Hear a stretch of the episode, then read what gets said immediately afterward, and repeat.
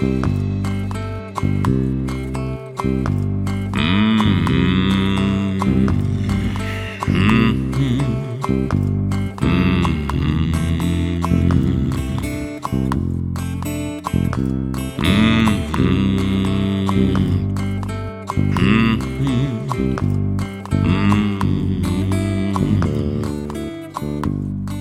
Tómas Ingi Tómasson fór víða á fótballtaferlinum. Hann var eini atvinnumæður Íslands í Östu Þískalandi og náði flottum árangri hér á landi sem eitra.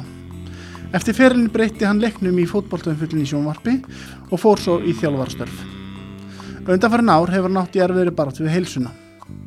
Þetta er miðjan. Ég heiti Hafliði Breðfjörð og Tómas Ingi er gestuminn í dag. Þátturinn í dag er í bóði bóðuleðar.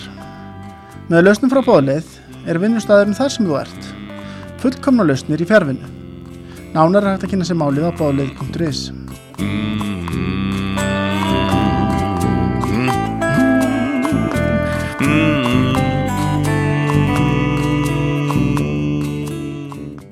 Já, Tómi, ég ætla, ég ætla að byrja, byrja á aðalspurningunum við Röstmanning. Erstu Þórar eða Tísari? Herðu, ég er tísari, eh, harður.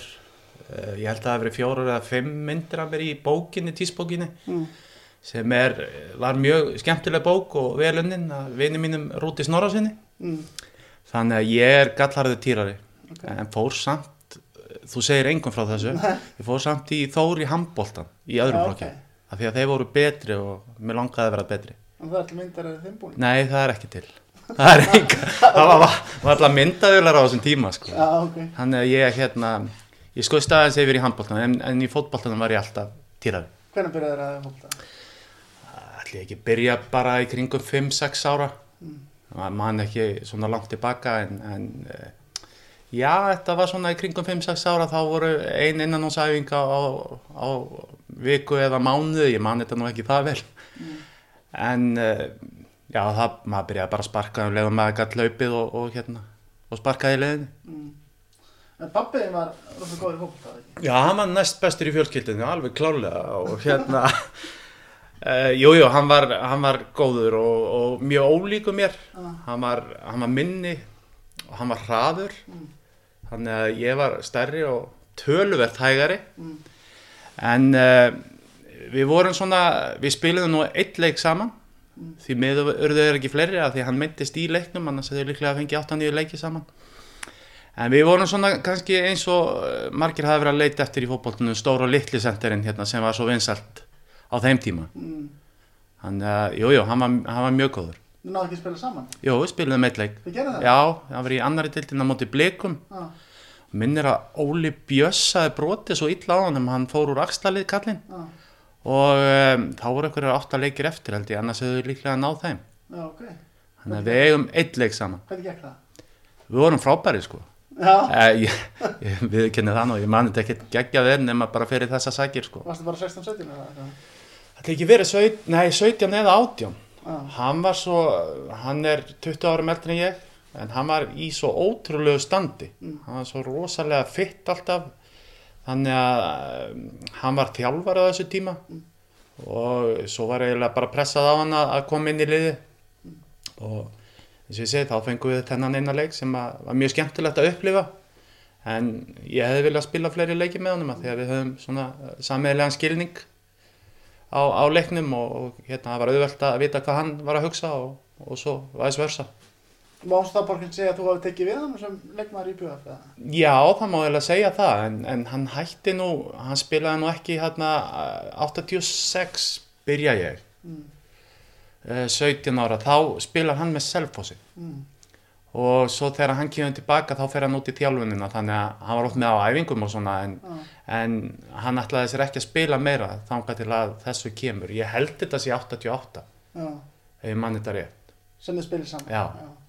frekar en 87, ég er samt ekki alveg ég og Ártöl erum ekki besti vinnir en þú þá að byrja að spila sjálfur fullu? eða? já svona eftir 87, 87 byrja ég og er bara orðin fastamæður í liðin Já. þannig að 18 ára var maður komið með frekar stórt hlutverk og svona eftir á að higgja var það kannski fullt stórt fullt snemma. Af því að að því að ég held að maður hefði bara haft gott að því að vera aðeins meira eh, á bekknum með þessum eldri leikmönnum. Þeir hættu allir þegar við fjallum 86 mm. held að það verið tveir sem að held áfram. Þannig að við tókum við alveg sko rosalega unglið mm. En auðvitað það gott eitthvað staðar en, en maður fekk kannski hann var svolítið hörðað sér eldskipni í þessu sko. Mm.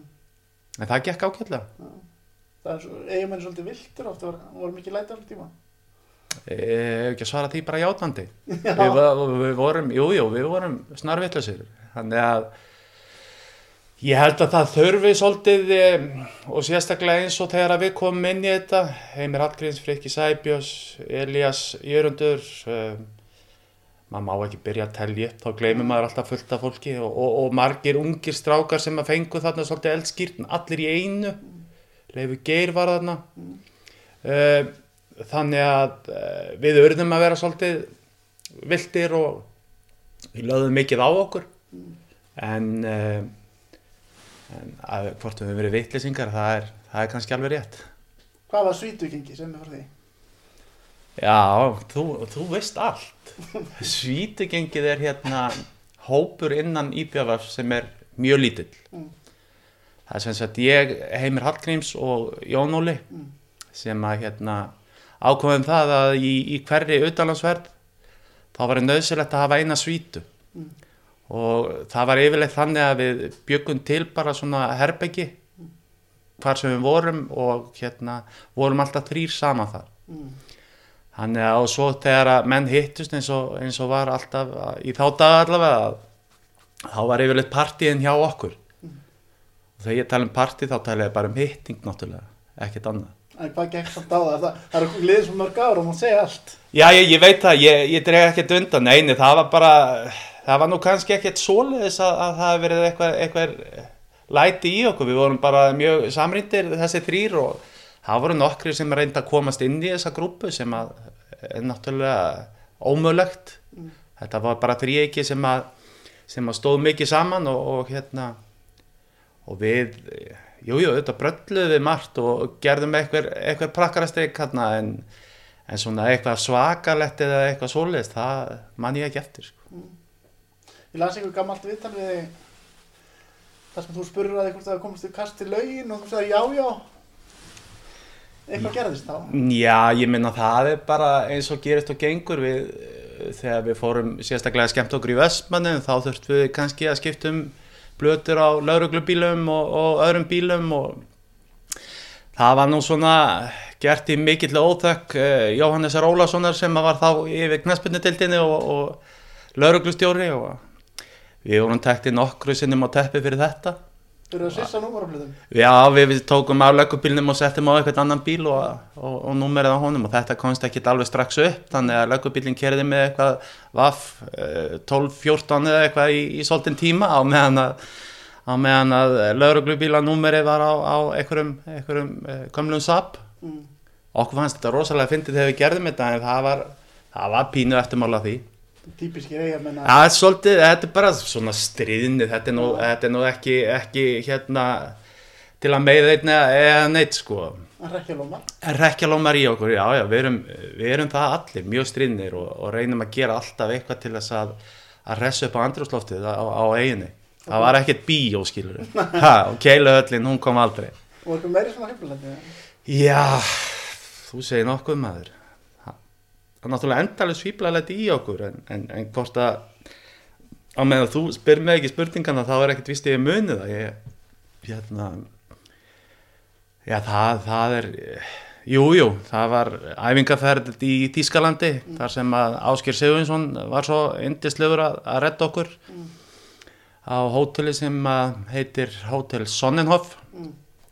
og uh, við ákvaðum nú þar að að hérna, við þurftum stundum að fara aðeins og skoða bjórdæluna þar mm.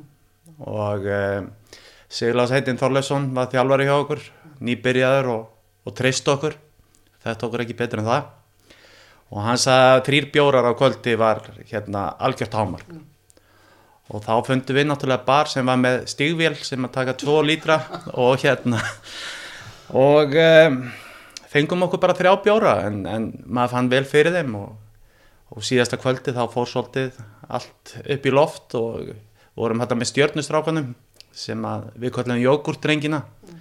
að þeir fóru aldrei neitt og gerðu aldrei neitt mm. með að við fórum alltaf og fengum okkur eitt, tvo, mm. eitt og stífil og uh, síðasta daginn þá fóru við svona aðeins fram úr okkur og eins og gerist og gengur eða gerist í gamla daga það gerist nú sem betur verið ekki núna það er meiri, meiri hérna ægja á þessu og uh, þá lendum við í smá reyskingum við hótelstjóran og, og starfsmenn hótelsins og þannig að þetta var, þetta var hressandi Kallar þið löggurnar? Já, já, löggan komið, þetta kom löggan hún þarf alltaf að koma sko? Já, það voru bara einhverju teknir í skýslatöku og við þurftum að borga fyrir eitthvað brotin rúm og svona sem að var algjör óhefni náttúrulega mm. en uh, svona þegar maður horfir aftur tilbaka þá var þetta náttúrulega mjög illa gert gagvart áskeri sem rettaði okkur hann á að stórstjarnið í Þískalandi ég ætla að vona að þetta hef ekkert komið við hann en, en uh, þetta var svona þakklæti sem við síndum honum því miður mm. Svo 1990 er, er svona stort árið hjá þér, þú komin í landsliðið og ferði í aðvunum fyrstileikur mútið færið með landsliðinu? Jó, ég hérna ég skipti eins og Eður þegar hann kom inn á í sin fyrsta leik þá skipti ég við Arnól mm. og kom hann inn á, ég man ekki hvað þetta var 15 mínúndur mm. og það var, það var mjög stórt maður var hérna með flottum gaurum eins og Arnóri til dæmis mm. og eh, sem það leit mikið upp til mm. og þetta var svona, ég held að þetta er því kannski eh, byrjun á einhverju stærra þegar mér gekk nokkuð vel 1990 um um en síðan, síðan var þessi landsleisferill aðeins og stuttur á mínumati mm. mér fannst ég hafa eh, meira að bjóða fótballtalega síðan heldur heldur en bara að hérna, spila þennan leik og svo einhverja æfingarleiki í, í Sáti-Arabi ja. þannig að maður var svona pínusvektur og, og fann svolítið framhjá sig gengið á þeim tíma mm. og ég er alveg sömu skoðanir eh, í dag ég hef átt að vera næri sem hóp heldur en ég var Þú stakkur það það var ekki mjög Nei, ég Já, ég hlýtt bara að hafa verið ekki nógu góður að þeirra mati sem að voru að þjálfa það er bara, það er bara eins og það er með þessa vittlesinga sem er að þjálfa eins og maður sjálfur ha, maður, maður allavega, ég taldi mig hafa börðið til að gera betur mm. Hvernig var að vera 1990 að spila mýbjörn fór landsleginu og úr því íþróttafættu bara á eigafrættum? Já, það var bara það var eiginlega að passa rosalega vel ah. það maður hælt sér sjálfum og hérna sett, sett sjálfans í fókus og svona nei, annars stjórnaði ég því kannski ekki Nú nei, nei, nei, nei, ég skrifaði ekki um leikina en, en hérna allt annað skrifaði ég um mm. og var þarna í, ég og Steini Gunn vorum þarna saman mm. um, og ég hef verið svolítið tengtur svona bladamennsku í gegnum tíðina uh, finnst gaman að, að, að bladamennsku mm. en hef ekkert held mér út í það nema bara svona að áhuga sko. og, og svo ferður þarna til Þannig að hefst ævindir mikið ævindir eða ekki? Já, það er hérna, hann Olli Fram, ég veit ekki hvort þú maðurst eftir honum, Nei. hann hérna ringdi í pappa og spurði hvort ég væri tilbúin að fara í aðtunum með sko. Mm. Og hann sagði bara, þú tala bara við strákinn og hann sagði að það væri liðið í Þískalandi mm.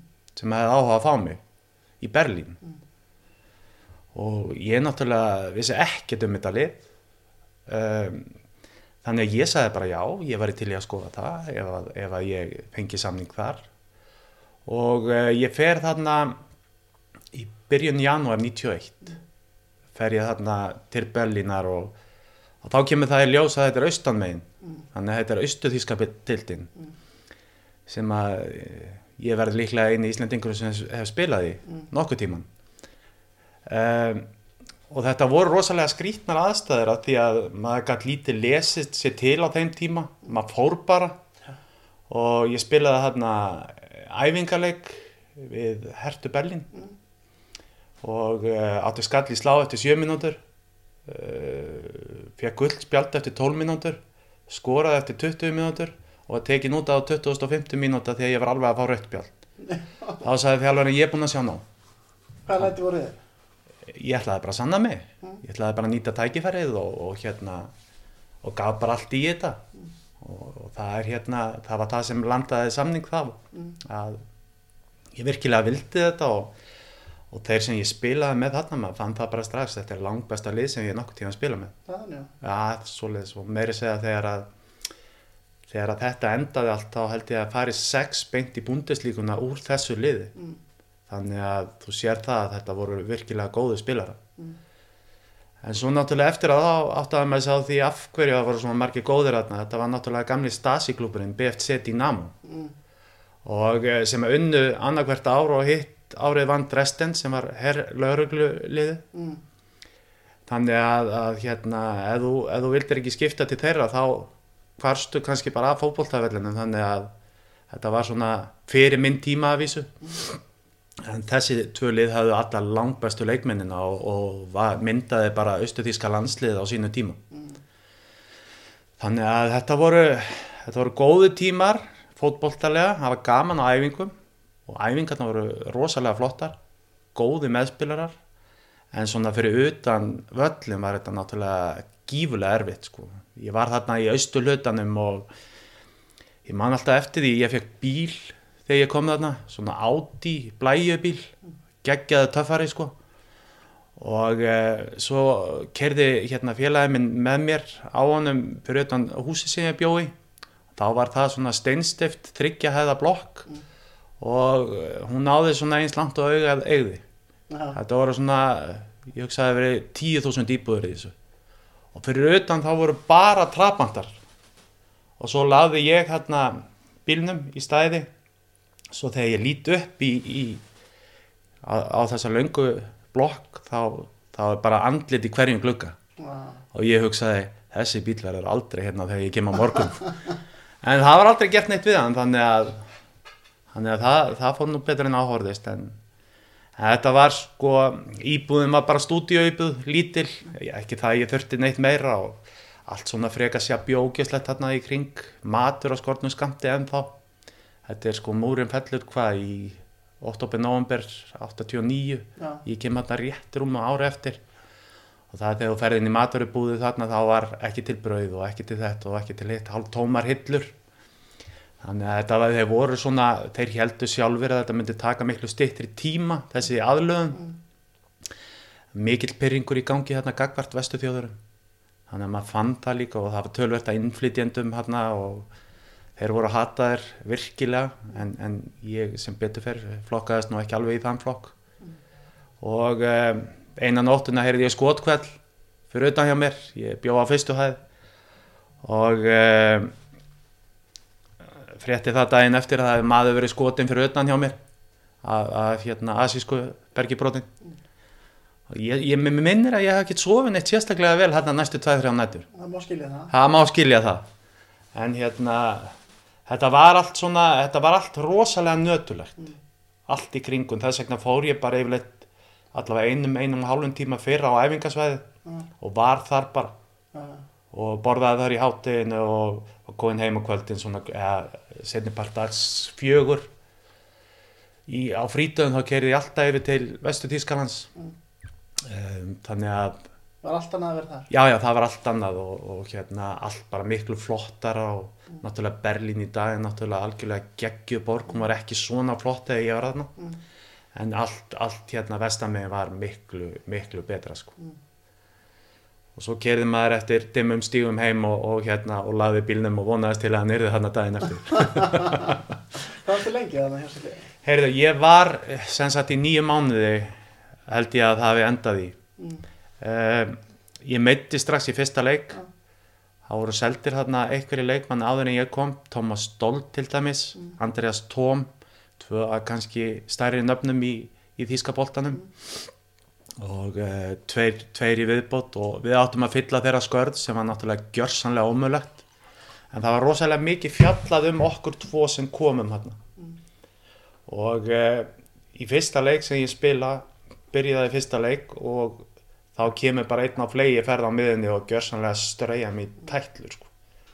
og þar fór hérna liðþói þannig að ég var bara ég var frá fótbolta alveg í þrjá mánuði og var bara í endurhæðingu þannig að ég var bara einn út að hlaupa og rosa gaman sko.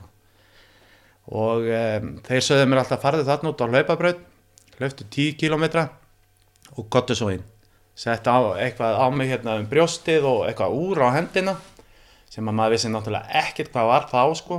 Stundum var maður að hugsa þegar maður var að hlaupa búið með eitthvað 7-8 km æ, þetta er orðið fínt. En svo hugsaði maður, æ, ég hef hvort eða ekkert annað að gera.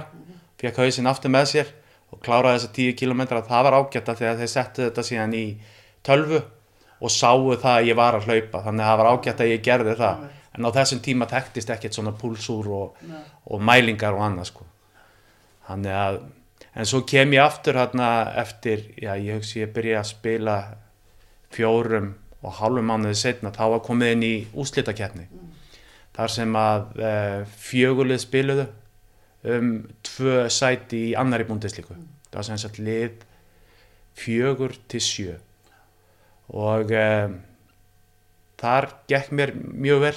Ég byrjaði ekki fyrsta leikin sem ég var til heldur kom inn á. Og e, næsta leika eftir þá skoraði ég. Og svo skoraði ég þrjú í síðasta leiknum. Okay. um, spilum frábælega frábælega þá. Um, þessi þessi leikur okkur vantaði eitt mark til að fara upp í aðra búndislíku þannig að við vorum jafnir á stegum og hinnir en henni þurfti eitt mark í viðbót til þess að, að komast upp. En, en það var eiginlega endurinn á þessu mjög bóðin samningur en um, mér leiði ekkert sérstaklega vel aðna þannig að uh, maður fór bara aftur heim og ætlaði að byrja aftur. Að þegar ég fer heim þá er ég eitthvað slæmur í baki og þá koma tilbúð frá Austuríki og Karl Sæs Jena sem hefði farið upp í Arabundislíku þá. Austuríki var það annarkort vínalið Ástria um, þannig að ég var að gera eitthvað rétt aðna og það hefði eitthvað séð þennan síðasta leik sem, að, sem ég spilaði. Og það var vel fylgst með þessum mönnum að því að það var rosalega mikið verið að týna út úr austur þýska fótboltanum á þeim tíma. Já. þannig að ég hefði geta farið aftur en ég svona var ekki alveg tilbúin í það. Þannig að ég kom heim og, og fór í IBVF og, og kláraði þá 91 og 92 sísón með þeim. Og þá hendum við okkur vestur í bæ í KR Já, betur, sko það er nú þannig að hérna, ég er nú oft komið til Vestmanni Já, það er ekkert sem að Vestmanni er meira illa við heldur en Káar. Hvernig gekk hjá þeirra skipti yfir í Káar? mér gekk mjög vel. Mér tekið rosalega vel Eh, er fólkið með þínu heima? sko fólki mitt náttúrulega stutt, stutti mig í allir sem ég gerði. En restina eiginu var kannski ekkert sérstaklega sátt um mig. Já, og ég fekk svolítið að finna fyrir því þegar ég kom til eiga og spilaði og hóllin sem að var frægur fyrir orðbráð og, og hérna ímislegt annað heldur en fótboltatengt að mér fannst. Eh, bæði þegar ég var í eigum þá var ég í svona lofend heit sambandi við þá. En þú varst í ykkur stríði við þá, já? já ég hérna var í stríði við þá bara fannst- eins frá því. Já, ég held að það veri bara svona svolítið að því að pappi var hluta þjálfarateimi og mönnum fannst ég fá kannski greiðari aðgangarliðinu heldur en aðrir en uh, sannleikunum var bara sá að ég var bara einn af kannski tveimur, þreimur bestu í liðinu. Og uh, fyrir mér var þetta aldrei spurning hvort ég ætti að vera í liðið ekki. Og þá svona virtist vera sem að fólk kraðist meira mér heldur en, heldur en öðrum. Já, uh, og ég er náttúrulega tiltölulega rólegur svona aðeinsfari en, en þegar ég kem inn á fótbolltafell þá, þá fer eitthvað í gangi í hausnum á mér sem að sem er ofbúslega mikið keppniskap og uh, ég hérna tók allavega tvis að þrísvar svona þrumaði boltanum í áttina að þeim einu sinni þegar að ég var að þruma boltanum út af og reytti þá þegar þeir reytti mig þetta var svona eins og ég segi svo, svo skora maður þá er öllum fyrirgefið og, en, en þetta var bara partur af mínu leik þarna sko að ég las ekkert til að vita þegar þú varst að koma frá Þýskalandi þá varstu bara ekkert sáttu við hólinn. nei, nei, ég var það ekki og var það í rauninu aldrei sko Nei. Að því að, að því að krítik í Vestmannum er ekki alveg sangjöld að mér fannst þarna sko og hefur yfirleitt aldrei fundist Mm. Eh, fólk vil fá ótrúlega mikið út um mönnum og þeir vilja það sjálfur og þetta reynir maður að gera sitt besta í hvernig leik en ég meina þetta var bara svona að, ég var ekki sáttu við þá mér fannst þeir kom illa fram við mig og þá kom ég illa fram við þá Mm. Það fleiri svona uppákomur með þá. Ekki svona, ekkert nema þetta kannski sem ég man eftir að ég reyndi að þrjuma boltanum í eitthvað naðum hérna einu sinni og, og hérna var bara virkilega pyrraðar út í það. Reyndi samt sem áður að, að fókus á leikin svona utan að komandi aðstæður að láta þær tröfla sig það náttúrulega, maður skamma sín fyrir það í dag sko. En, en þetta var maður bara yngri og jafnvel vittlusari þannig að en, en svona eftir á að heikja þá sé ég ekkert eftir neinu Hvernig var að hitta sem menn út í bæ þá? það er allt í lagi, þeir voru, þeir voru bollrólegir út í bæjum, þetta voru allt þannig sé svona kunningjar og, og hérna mikið til vinir pappa sko. Þannig að það trublaði mér raun og er ekki neitt sko.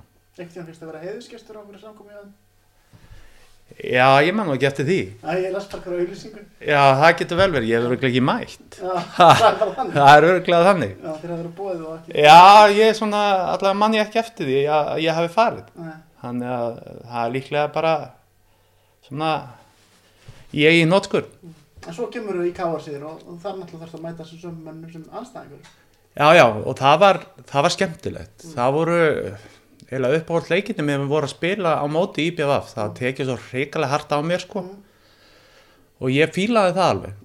Ég man til dæmis á, á káarvellinu þá e, var Jónbræði settur á mig sem að einhverju muna nú eftir sem að grjót hörðum miðjumanni. Og hann var bara settur bara mér til heiðurs kalla ég það. Að hann svolítið pakkaði mig saman allan leikin sko. en ég skoraði samt síðu markið þannig að það fór alveg tilbaka. En það eru svona leiki sem maður mann eftir sem var eitthvað svona virkilega mikið fút í og þótti gott að koma til eiga mér þótti gott að spila út í eigum þó það að vera móti í BVF leikmenninni voru allir vinni mínir eftir leikin sko. Það var, það var engin með að stæla eða leiðindi það voru áhörundu sáðu eiginlega alveg um það sko. Já, en svo eftir fyrra árið í, káar þá Gauði Þórað komin hérna. Þú hafði mikla mætur á honum Já, ég veit það nú ekki Ég að- las allavega í viðtalið að þú hafur aldrei haft þjálfara sem hefði svona mikið vit á knæspilni Nei, það er, það er líklega rétt. Já. og hérna það var allavega þangað til að ég hitti Luka Kostik. Já, þá, þá fór Gauji miklu neðar.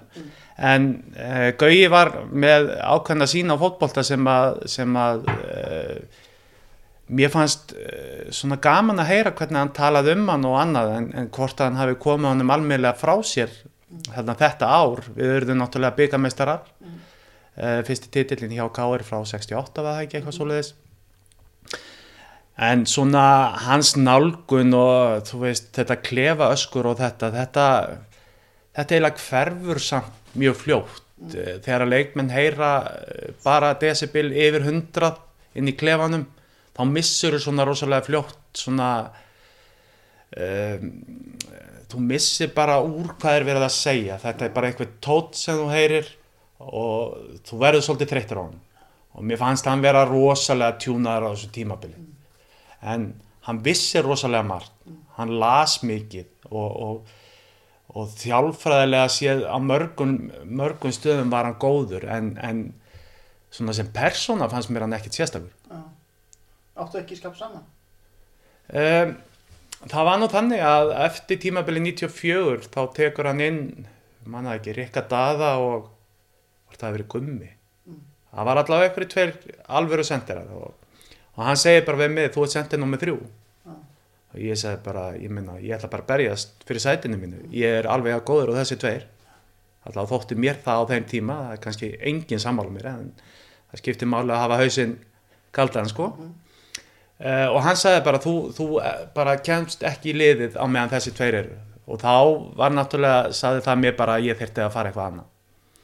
Og uh, þá, þá ringi Luka Kostik þannig að hann kom þannig sér reynt fram en hann gaf mér ekki sénsinn. En, en þarna 94 tímabili sem að Gauji Gauji tekur við okkur uh, náttúrulega æðum rosalega vel.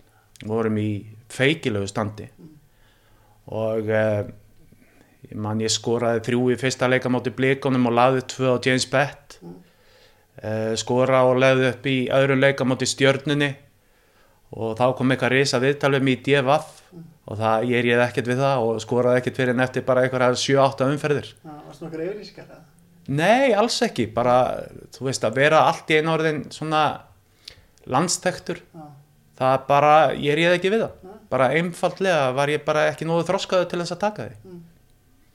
Þannig að, að maður þroskaðist náttúrulega með árunum en á þessu tímapunkti þá var ég bara ekki nógu sterkur andlega til að taka þessu. En varst samt alveg að vekja á áhuga erlendisra þarna, þarna var, það voru liðið sem voru að fá að træja eftir þetta tíma. Já, já, já, sko, ég fór á nokkur træjal og gekk alltaf vel. Já. Maður er alltaf svona pínu geðveikur í þessum træjalegjum að því að ég hef alltaf sagt og sagði líka við strákana sem að hérna, ég var að þjálfa á fylki þegar ég voru að fara fyrstu landslýsæðingar. Láttu taka eftir þér. Já, Og hvernig sem hún ferð að því, að því að sko, vondauglýsing er betri en engin auglýsing í þessu sko. Þannig að ég fór í, á nokkur træjal og gekk nokkur vel og, og sumi vildu fá mig og ég vildi ekki fara. Eins og til dæmis þegar ég fór til, fór til uh, Sogndal sem er náttúrulega eitthvað sérstakast í staðu sem ég er komið á. Það er bara fjöll í kringum allt sko, það er bara, bara inn í reysa dal. En þar var fyrsta æfingin 20 km hlaup sem að ég skildi ekki alveg af hverju ég var að fara til Noregs til að hlaupa 20 km sem ég hafði aldrei hlaupið áður. Að þegar við erum konum með 10 km þá held ég að við værum að fara að spila fótbolta en þá áttu að eftir að hlaupa tilbaka. Og það var, það var mjög hressand æfing og liftingar á eftir. Og setni æfingin þá var eitthvað svona reytur og eitthvað smá spil. Og síðan var mér stilt upp á móti Jarle Flow mannst eftir honum, 390 og 1100 kíló eitthvað Já. svo leiðis hann var hérna einn af þessum flóbræðurum og þá átti markmaðurinn hjá þeim að spynna svona 25-30 boltum á okkur tvo og við áttum að fara í skallæfi já, og þetta var, þetta var hérna, það sem þeir vildu fá frá mér að, að vinna stóra menn í loftinu í, í norska boltanum og, og það gekk ágætlega og svo komið þeir um kvöldu og vildu semja og ég sagði ég hef engan áhuga að spila hennar fótbolta Mm. þannig að ég fór bara heim mér fannst þetta ekki vera það merkilegt sko. og, og fór þá heim og, og spilaði með grindaði kallað 95 já, hvernig kom það til? Eh, Luka Kostik, hann ringdi mig og, og hérna og saði bara að hafa mikinn áhuga á mig sem spilara og saði eiginlega alla réttu hlutina við mig. Um, og ég hafði spilað á móti Luka, mér finnst það frábær leikmaður og mér langaði að pröfa að pröfa að æfa hjá honum og, og ég sé ekkert eftir því. Ég saði við hann, ég er hérna það er barn á leiðinni og ég kannski kemst ekki á hverja einu staðingu og ég er að vinna til uh, hálf sex á daginn og æfingin var hálf sjö og hann sagði, Tommi minn, ekkert vandamál. Ef þú vilt fá frí, þá færðu frí. Ég ringdi hann tvisar eftir þetta og baði hann frí og það var, nei Tommi minn, ekki þetta skiptið, það er ekki hægt. Mjög mikið að æfing. Já, þannig að ég, ég reyndi tvisar en, ég fekk bæði skiptin að þetta er mikið að æfing sumarsins, þannig að ég hætti bara að byggja um frí. Já, En Lúka hann, sko ég er 26 ára þegar ég er hjá Lúka og Lúka kendi mér meira heldur en nokkuð þjálfari. ok, Þrátt fyrir þennan aldur, þá hérna kenda mér skallatækni til dæmis sem að ég var ágætur í að mér fannst, en hann bætti hana mikið. Og svo eh, átti ég hérna eh, eina fyndu í fótbollnum, bara eina Mm.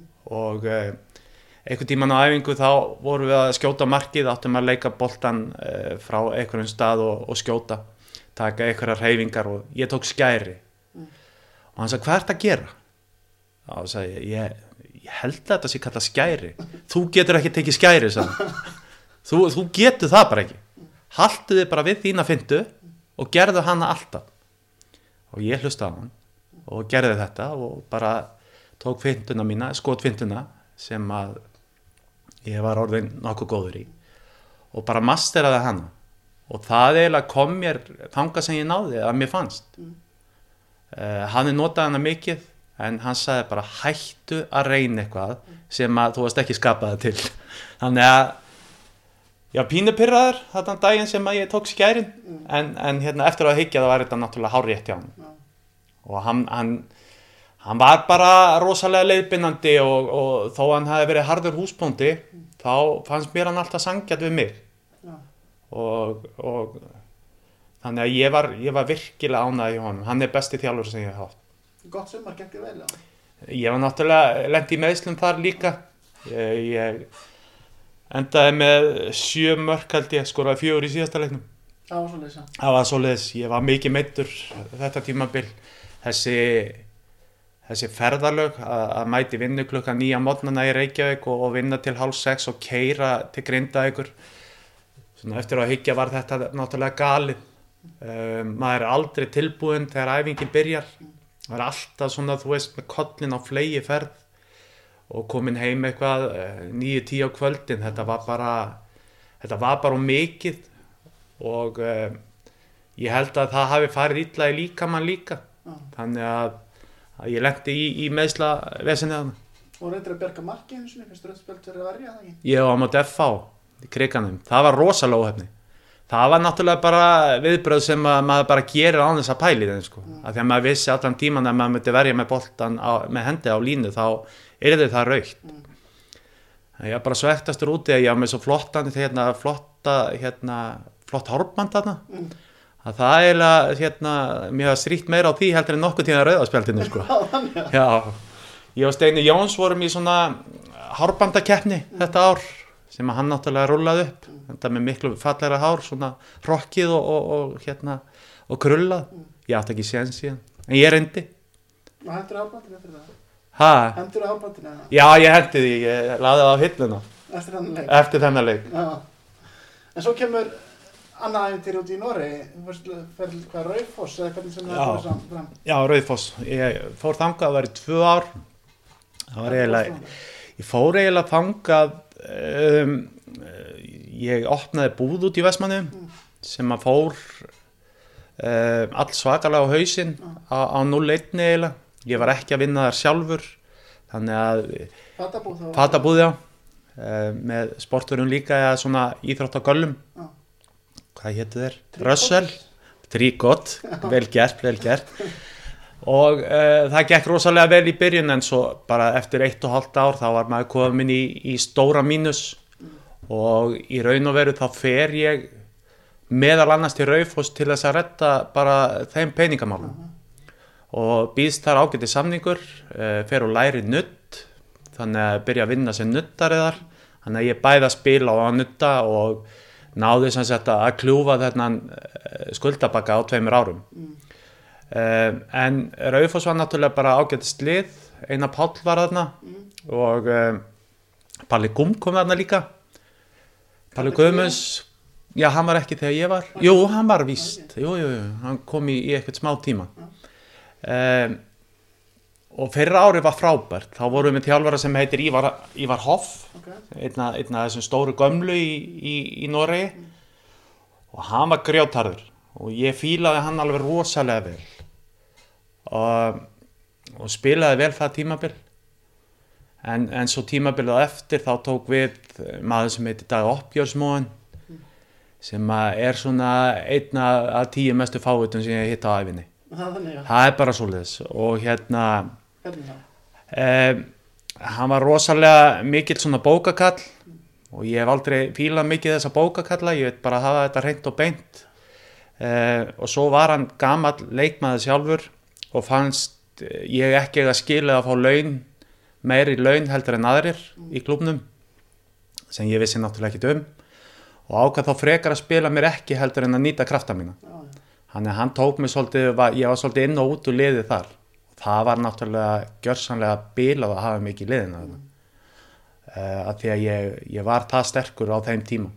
Það er í pínu standi og, og spilaði bara vel. Já. Að mér sjálfum fannst allavega. Getur spurt eina pál eitthvað tíðan að þessu. Já, En, en eftir, eftir það þá, þá hérna fór ég til Strömskotsi. já, Þar sem að Óskar uh, Þorvalds var að spila. Já, tók þrjár fjórar æfingar með þeim svona að reyna að halda mér í Nóri en það gekk ekki eftir. Ok. þannig að þá fór ég bara heim byrja að æfa mig í BVF Það skilur samt, sko, þegar þú kemur heim frá Nóri, þá ertu búin að sækja þetta nám. Já, sem að hefur kannski áhrif þá á starfsfæðil til framtíðar eitthvað. já það gerði það alveg, ekki? alveg já, ég útskrifast með hæstu einhvern sem hefur verið gefin í skólanum. Já, þannig að uh, það eiginlega sagði manni það að maður gætt lært að maður hefði áhuga á því. Já, akkur fórst í nuti. uh, ég hafði bara alltaf haft mikinn áhuga á líkamannum og uh, þetta voru námskeið sem ég sótti í Oslo og síðan var þetta bara mikil vinna og þetta var náttúrulega eitthvað sem að bara ég nýtti mér síðan alveg til 2006 Mm. þannig til ég kem heim. Já, og þá einhvern veginn var ég svona nuttið enn og þannig að, að uh, það tekuði svolítið tíma að vinna upp lista svo kalla með föstum kunnum og uh, á því, þeim tímapunkti þegar ég kem heim þá bara hafði ég ekki efna á því að vera að, að býða eftir því að þessi listar fylltust. Já, og leitaði mig bara að launaðri vinnu. Já, þannig að, og það gekk eftir þannig að ég fótt til dæmis á sjóin þegar ég kom heim. Ok. bara til að geta satt við Heimir Hallgríms að ég hef verið á sjónum. Eitt tóra nei, ég tók heila vetravertið. Eftir að komast yfir frá já, Já, á, á línu. Ok, hvernig gekk það? ég var að segja frábælega Já, ok. það gekk rosalega vel. Ég náttúrulega er ekki sjóegur og um, ég fekk það þetta frá skipstjárnum að ég væri hardulegu til vinnu hvort sem þú trúið því eða ekki En hvað sagði með heimi? Var hann að? Nei, heimir náttúrulega, sko, ég segi alltaf við heimi, manstu þegar ég var á Guðrúnu, það er hétt báturinn, sko, og hann þólir ekki þegar ég segi það þegar hann hefur aldrei farið á sjó. Já, já, já. Það er svona, ég segi alltaf við sjómennir í eigum og svona, og, og nota þetta óspart sérstaklega í spjalli við hann. Og fyrir töðunar hann. Já, já, já, alveg helling. en að þú ert að tala um viðskiptæki verið þú, mistekst þarna út í vestmanni með búðina, Já, en þú kefti nú Opus, hvað heit hann? Já, Opus 1, Já, já, út í. Norrið, það var, já, það var, það var skemmtilegt. Það, við kiftum okkur veðhlaupahest. Já, Við vorum, sem sagt, tíu saman. já, og uh, borguðum þúsund noskar á þeim tíma í hestin og borguðum síðan mánaðarlega gjöld af honum í þjálfun og fyrir mat og, og eins, eins, og, eins og gerist og gengur í þessu og uh, þetta var nú meira svona til gaman skert heldur en að ætla að verða ríkur á veðlöpahestum ok. og þetta allavega gerði það að verkum að maður fór nokkru sinnum á, á, á hlaupabrautina og, og, og fylgdist með honum og hann stóð sér mjög vel hérna hann, hann hækkaði mikið í verði Mm. og ég held ég hafi tvöfald að hennar þúsund kall sem er náttúrulega ekki neitt Mm. en þegar ég fór þá, þá ákvað ég bara að gefa minn part í honum Mm. Þannig að ég fekk ekki að slátra honum og taka hann með heim Nei, en, en fyrstu ekki út úr þessu, það er peningur. ég eigum að segja 20 skall íslenskar Já, það var ekki neitt. Nei. Nei, nei. Þetta var, en þetta var skemmtilegu tími Já. að hérna, eiga veðlöpaðist. Mm. Þú ert með fullt að hérna, spurningu greinilega sem ég er búin að gleyma. Sko. Já, Ha, það er gott að láta þér rifja upp fyrir já, sig. er gott. En þú ke- kemur heim og, fyrir að æfa með. Þeirra, Það vilt ekki fá þig, nei, Af hverju? það eru tvær sögur af því. Eins og svo oft þegar að eitthvað svona er í gangi að ég hafði með þeim í, í svolítið tíma og uh, var í rosalega góðu standi að því að ég var Ég var sem sagt nýkominn frá Skönþorp í Englandi þar sem ég held mér í góðu formi hérna að því að ég ætlaði aftur út eftir Norrastöluna. Var möguleik að fá samning þarna? Já. Já.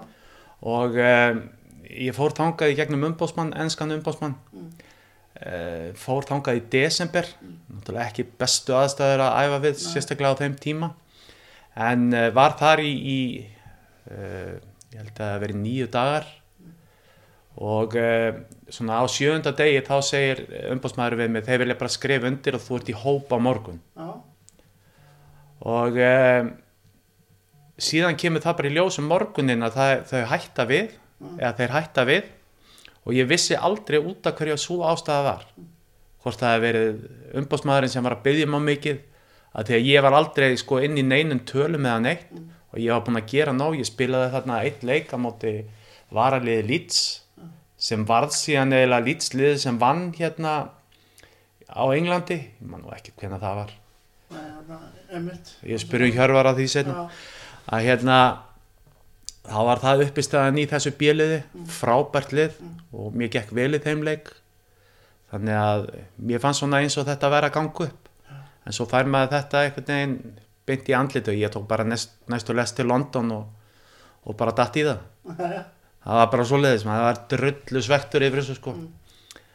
Og uh, þetta er svona eitt af þessum ótskýrðu dæmum hvers vegna og ég talaði aldrei við hennan umbósmann eftir þetta. Þannig að ég fekk aldrei að vita af hverju þetta var, hann hefði líklega lógið eitthvað hvort þetta var. já, mitt. En svo, já, ég var mjög svektur, ég hérna, mér fannst, mér fannst ég geta gert helling með þessu liði. Það hefur voru þrælgóður í fótbolta, þó þetta hefur verið þriðja aðstæðdelt þá minni mig. Já. Þá var, kom gæðin mér þar rosalega óvart, tæknileg geta varnamanna til dæmis. Já, Það komið mikið ávart af því að maður hefur alltaf séð þetta sem slagsmál í þessum neðri deildum í Englandi. En þarna var fullt af, fullt af góðum spilurum og þá, þá fer ég bara heim og fer að æfa með IPVF og um, það kemur svo í ljós að þeir vilja ekki fá mig. Og hef ég spurt bæði Bjarnaði sem var að þjálfa og hann sagði stjórni vildi ekki fá mig. Að ég var á dýr. Það var ekki byrjað að tala um peninga sko. Ok, þannig að það var skrítið. Og stjórnamenn sögðu hins vegar að Bjarni hefði ekki viljað fá mig. En endan dag í dag, veistu ekki Nei, ég veit það ekki og ég hérna pæli kannski ekkert geggja mikið í því núna í dag en, en mér fannst þetta rosalega skrítið og ég mann venni talaði við mig og hann, hann átti ekki orði við því akkur þið tókum mig ekki sko. en ég minna þeir eru Íslandsmeistar á þessu tímabili þannig að þeir gerði ekkert vittlust en þá, þá fer ég í þrótt. Willum ringir í mig og vill fá mig. Og á þeim tíma var ég bara þannig séð ekki með neitt í höndunum. Og ákvað bara að taka slaginn og það er náttúrulega mitt eh, kannski besta ár í fótboltanum hérna heima. Þar sem að Willum kom okkur í, í gott stand. Og við vorum í öðru sæti á eftir íbjáða fann eftir fyrirumferð en svo kannski um, ég hugsa að fimm árun setna hefði Willum ekki fallið með okkur. En, en þarna vantaði hann kannski svolítið reynslu í þjálfun og, og náttúrulega að, að stýra okkur betur. Að því að við eiginlega hrundum alveg setna umferðina. En allan tíman gekk mér mjög vel með þrótti. Ég held að statistikinn sé 14 mörg skoruð. Man ekki hvort ég spilaði 16 eða 17 leiki ég var eiginlega alltaf einn í banni fyrir nöldur hverju ári og laði upp eitthvað 7 af 28 mörgum held ég sem við skoruðum. 27 mörgum, 27 mörgum, Já. já, 21 að 27 sem þú átt? Já þannig að það gekk rosalega vel hjá mér. Já. og uh, þess vegna náttúrulega hafa AGF samband og vilja fá mig þarna strax á eftir. Og þá hafði ég það var uh, þegar ég samt við þrótt þá ætlaði ég að semja til eins ás þegar ég var ennþá staðræðin þrátt fyrir þennan aldur að ég vildi fara út. Ég hafði trúið að ég hafði meira að bjóða heldur en, heldur en hérna bara íslenska bolta og samt er ekki líka um einhverja endursölu. Ég sko málega það að ég eh, náttúrulega, þetta er, þetta er svo heimst sko, ég ætla samt að segja já, að uh, ég skrif undir samning uh, eins á samning Já. sem stóð 98 til 99 ok, en í þeirra skilningi var þetta árin 98 og 99 já, þannig að þeir vildi meina að þetta var tveggja ára samningur og ég saði við þá um leið að ég er búin að skrifa undir áður en tímabili hefst og allt það, ég vil láta leiðrætta þetta ég vil bara hafa eitt ár. Og þessu blessaði vertu þegar að því kemur þá bara leifum við þér að fara og ekkert vesin og það kom svo náttúrulega á daginn þegar að AGF ringdi að þeir voru ekki tilbúinir að láta mig fara. Og uh, hyrti í rauna með þrjár miljónir ok. Þannig að það var ótrúlega leiðilegur endir á annars svona persónlega góðu sísóni Mm. og ég var pyrraður út í þrótt alveg mörg ára á eftir. Ná, Ekki- ekki, nei, það náðist aldrei. og þeir hefðu engan áhuga að koma, koma til mótsvimi þannig að en svo er þetta náttúrulega ekki knassbyttum félagi þróttur sem að ég er í baráttu við heldur ákveðni menn. Já, og þegar maður þróskast aðeins meira þá, þá áttar maður sig á því það er ekki klúburinn sem er vondur, það eru bara menn sem að hérna já, bara beittu beittu vittlesum leiðum á þeim tíma fannst mér. Mér fannst einhvern veginn að við höfum geta farið einhverja leið þarna á milli. En þessi samningu var bara það stór fyrir mig á þeim tíma. Þryggjara samningur með fín laun að ég gati eiginlega ekki annað en skrifa undir því að þeir hóttuð að, að skrifa ekki undir hérna heima. Já, og það var að renna út náttúrulega eins og alltaf tíminn. Já, þannig að þetta var komið svolítið pressusti og, og ég hafði bara samband heim og saði koninni þetta og við bara ákvæðum það að, að, að taka þetta Mm. og láta þessa peninga þá liggja í þrótti. Ok. En það var, það var ég var mjög svektur út í það. Og líka bara þú veist maður var í góðu sambandi við köttaranna þeir voru að gjörsanlega frábæri þetta spila það var ógeðslega gaman að vera í þrótti. Og bara fyrir utan það að það gekk vel þá var bara svo óbáslega stemning í kringum þetta lið. Að köttararnir náttúrulega gerðu þetta svo skemmtilegt að ég held að mér, hafi, mér lakkaði alltaf til að spila fótboltaleiki en þarna var ég ekstra gýraður að fara að spila. Þannig að það hefur líklega hjálpað líka. Það er allt jákvæmt meðan tímbil er í gangi. Já, allt, allt, að- allt þannig sé jákvæmt við náttúrulega gáðum svolítið mikið eftir Já, og var klaufaskapur hjá okkur að falla. Mér fannst við vera með of gott lið til að falla. Já, en það var, við vorum brotættir á, á sömum stöðum. Mm. þannig að það var bara svo liðis þá var það að gef. það var ekki ef Hvernig kom það til? ég, það var bara út af góðri spilamennsku myndi ég segja. Að, Voru að fylgjast með þér hérna heima? um, það hlýtur eiginlega að vera. Það voru fleiri lið sem að höfðu samband þarna. Já, og um, mér fannst þetta spennandi Mm. og fer þarna og, og æfi með þeim í það hefur verið vika og, og þá kemur það upp að þeir vilja semja Mm. að því að eh, ég bara eh, stóð mig vel á æfingum þar Mm. og Peter Rúdbeck sem er þjálfari þar sem er núna hjá danska sambandinu hann hérna hann samfærði mig um það og, og hérna bjóð til þetta dæmi að þetta gengi upp uh, þessi samningur með smá tvisti sem að kannski uh, gerði það að verkum að ég saði freka já hvað tvistar það? ég, það var bara, það var settir sem sagt þryggjára samningur Mm. en hann var ekki nema tvö, tvö ár og nýju mánuður Mm. en samt fekk ég borgað í þrjú ár sko. Þannig að, en, en það var nú aldrei svo langt að því ég meittist og var sko að, að fara út þó ég hafði alveg óbylandi trú á sjálfum mér í, í hausnum. Þá var náttúrulega sko líka minn ekki alveg að fylgja með. Ég hafði alltaf verið svona freka þungur um, svona setni hluta á ferlinum. Mm. og í toppstandi í Danmörku til dæmis þá var ég 93 kíló. Já. það er helviti mikið fyrir fótboltamann sko. Og sérstaklega í dag þá, þá sér maður alltaf svona, svona menn. Já, dæja sem eru jafnstórar og ég eru bara einhver 83 kíló. Þannig að eh, að byrja að æfa tvisar á dag meiri sá gerfigrassi stundum það fór bara ekki vel í mig. Og eh, ég náði nú kannski ekki alveg að, að gera það sem ég langaði út í AGF þrátt fyrir að hafa verið í ágætist liði. Við enduðum alltaf í tíundasæti þannig að það var rétt fyrir neðan rétt fyrir ofan fallið. En, en þetta var góðu tími og gott að vera í Danmörk og mér leið vel þar og fjölskyldinu leið vel þar og konan mentaði sig í arkitektúr og, og ég fór í, í höfubinn á Spjaltryggs hérna eh, nám. Ok. þannig að ég bætti því við mig ofan á, á nuttið Já, og opnaði fyrirtæki þar. Ok. þannig að þegar við förum Í því þá? í því.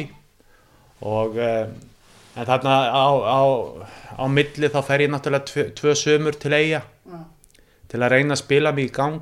Já, uh, og fyrra árið gekk náttúrulega frábælega Mm. hjá okkur. Við vorum, ég held að okkur hefði verið spáð í áttundasæti og skaganum í níunda. Og svo spiluðu við hennar náttúrulega fræga úslítaleik út í eigum það sem að Egil tók á okkur Íslandsmeistaratitilin Já, þú varst meina það, að leikunum fór 2-2, þú skoraði, þrjú mörg, já, ég skoraði þrjú mörg og þrjú lögleg mörg. Eitt var tekið að þér. Eitt var tekið af og það tók af okkur titilinn. Já, Það tók af mér að mér minni þriðja, annað eða þriðja sæti í markakongsdæminu já, og tók af mér fymtu þrennina fyrir fymta liðið í efstu til. já, Þannig að ég frétti þetta að vísu löngu setna en pælti lítið í þá.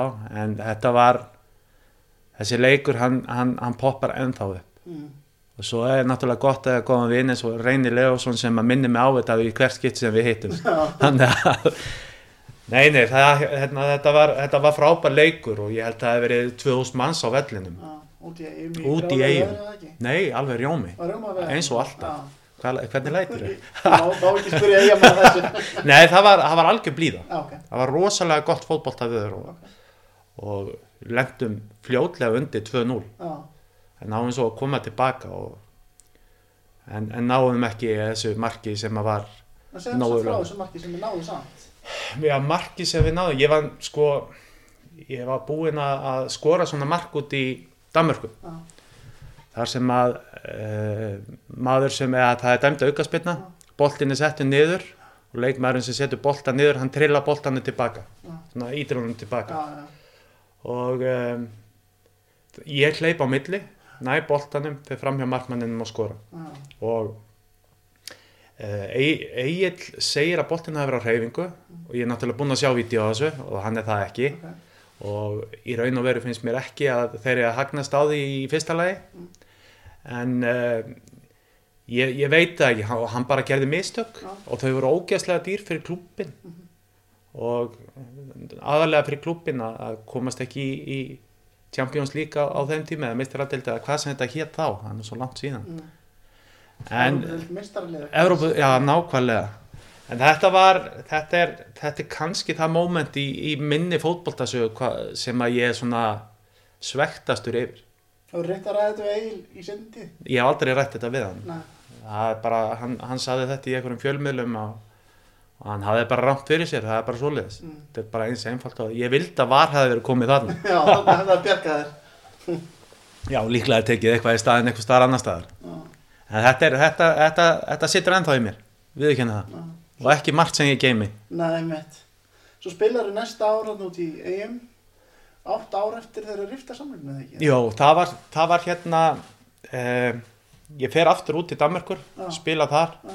eh, er aftur komin í eitthvað meðslavesin Já. og langar að reyna að spila mig í form hérna á Íslandi þá var nú orðið helviti lítið eftir af líkamannum Já, þannig að ég fekk svona svolítið þægilega meðferð í eigum þannig að ég æði bara þegar ég var í, í standi til þess. Já, og eh, og eh, það gekk svona og svona. Eh, kannski ekki stoltastur á síðasta árinu sem ég spilaði í efstu dild nei, um, og það var bara út af því að líka minn var ekki alveg í toppstandi. Já, ég hefði þurft bara að ná góðu undirbúningstímabili. já, en, en síðan 2000 og eins og þú segir það var rift samningnum sem átti að vera til tveggja ára. Já, uh, þrjár mínútur í það að, að sá frestur hann út þá fekk ég byrja frá stjórn IBF og mér fannst það rosalega daburt Mm. að hvernig þeir höndluðu það mál.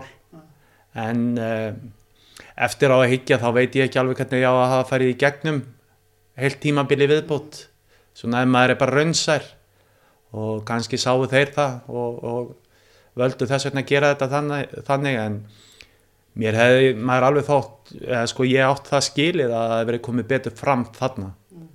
Af því að maður er nú eigamaður og búin að leggja helling í það að, að spila fyrir liðið og þó það ekki verið bara að setjast niður og tala við mig um þetta að ég hugsa að ég hefði alveg skilið það. Já. En var samt ekki alveg búin að gefa, gefa fótballinu bátina því þú rætti við vikinga og æðum með FA, eða ekki? Jú, jú, ég, þetta, þetta var eiginlega kom svolítið sem högg á mann Já, Eh, þó maður hafði ekki verið í einhverju toppstandi en þá vissi ég að það var, það var hellingsfótbolt í hausnum á mér þó að líka minn var ekki alveg besti vinnu minn þessa dagana eða þá dagana og æðis má með þessum tveimur liðum og svo einhvern veginn þá bara gast ég hreinlega upp á, á því að reyna þetta sko. og fórst bara í KFS. Ég fóð bara, Hjalti Lækni ringdi mig og spurði hvort ég vildi ekki spila nokkra leiki með þeim. Og ég sagði, jú, jú, ég ég skal vera með. Ég held mig bara í standi hérna. Og ég ætla að hafa gaman að því bara. Í staðin fyrir að þetta væri bara árangur sem skipti öllu máli. En auðvitað skiptir árangur máli þarna líka. En mér fannst bara þeir sem ég spilaði með svo lélegir í fótbolta Mm. að ég hafði bara ekkert gaman að þessu. Þannig að þetta endaði í einhverjum, ég man ekki þremur fjórun leikjum kannski. Já, en uh, ég hafði bara ekki nógu gaman að því að spila svona langt niður fyrir En kannski aðstæðilegt ég spurja að þess að því það er ekki með þetta alveg á hreinu, en var ekki eitthvað byggaleikur við IBF að þetta sumar? KFS BA Já, ég las eitthvað umræðum að það væri óvissa hvort þú fengir að vera með en svo fór ég nú ekki lengur út í það sko. ég man nú ekki eftir þessu Nei, ég held ég hefði aldrei spilað þann leik hvort þið var sko. nei, einmitt. Skulum bara gleyma því. já, ég held ég, held ég hefði ekki hérna, ég held ég spilað á móti í BA því að að ég hefði líklega gert eitthvað. En hvað gerist næsta árið það er? Það er ekki fyrir 2006 sem að þú er komið til Árós að þjálfa. já, sko næstu árum var ég bara að vinna í, í hérna á, uh, í nuttstöðinni minni Mm. út í Danmarku og, og var að taka uh, þjálfarapróf Já, út í Danmarku, tók fyrstu stigin þar já, sem var alveg frábært af því að þú fóst á svona professional námskeið þar sem þú vannst í, í viku og svo tvær vikur með undir 14 ára liði, landsliði Dana. Já, náttúrulega ótrúlega skemmtilegt að fá svona góða einstakling í hendurnar til þess að, að hérna að leika þið með. Og e, þú varst með alveg fullt af flottum gaurum þar sko sem að voru gamlir og mikli snillingar í, í fótboltanum og maður heyrði alls konar alls konar skemmtilega sögur þar Já, af, hérna, af hinum og þessum þannig að þetta var þetta var mjög skemmtilegt að vera á því námskeiði. Já, og maður fekk rosa mikið út úr því. Þannig að þarna var ég komið með hugan við þjálfun. Ok. og hef náttúrulega verið að þjálfa hérna á Íslandi yngri flokka, uh, meistarflokk Fenna út í eigum ok. uh, Varstu með það í, varstu aðalþjálfur hjá IBF kvennarlegin? Já, það var bara þegar týr var sko fyrir 1400 Já, árum já, sko, já, það já, er bara ógeðslega langt síðan. Já, og svo var það náttúrulega bara samin að IBF sem betur fer. Og já, ég held að við höfum unni að, aðra deildina þá. Já, en ég man ekki eftir að týr hafi spilað í fyrstu deild þannig að eit- einhvern veginn hefur þetta skólast kannski til hjá mér. Já, en þarna var ég bara í vinnu og, og að menta mig meira og, og fór svo í það að þjálfa Víbi í, sem er bara bærin sem ég bjó í Já, sem er bara hluti af árósum bara svona eins og Hafnarfjörður svo að þú skilir þetta. Að hérna um, þar svona kom upp ágreiningu mjög fljótt þegar að hérna ég var búinn að vera þarna kannski í hálft ár. Þá vildi ég auka æfingar úr tveimur í viku í þrjár. Og þeir vildi freka fara með það í eina í stað fyrir tvær. Það var svo slæmt. en eh, vandamáli var það þetta voru fullt af strákum góður í fótbolta. Já. og mér langaði náttúrulega í eitthvað mér langaði meira. En svo var það sjætlað með tveim æfingum.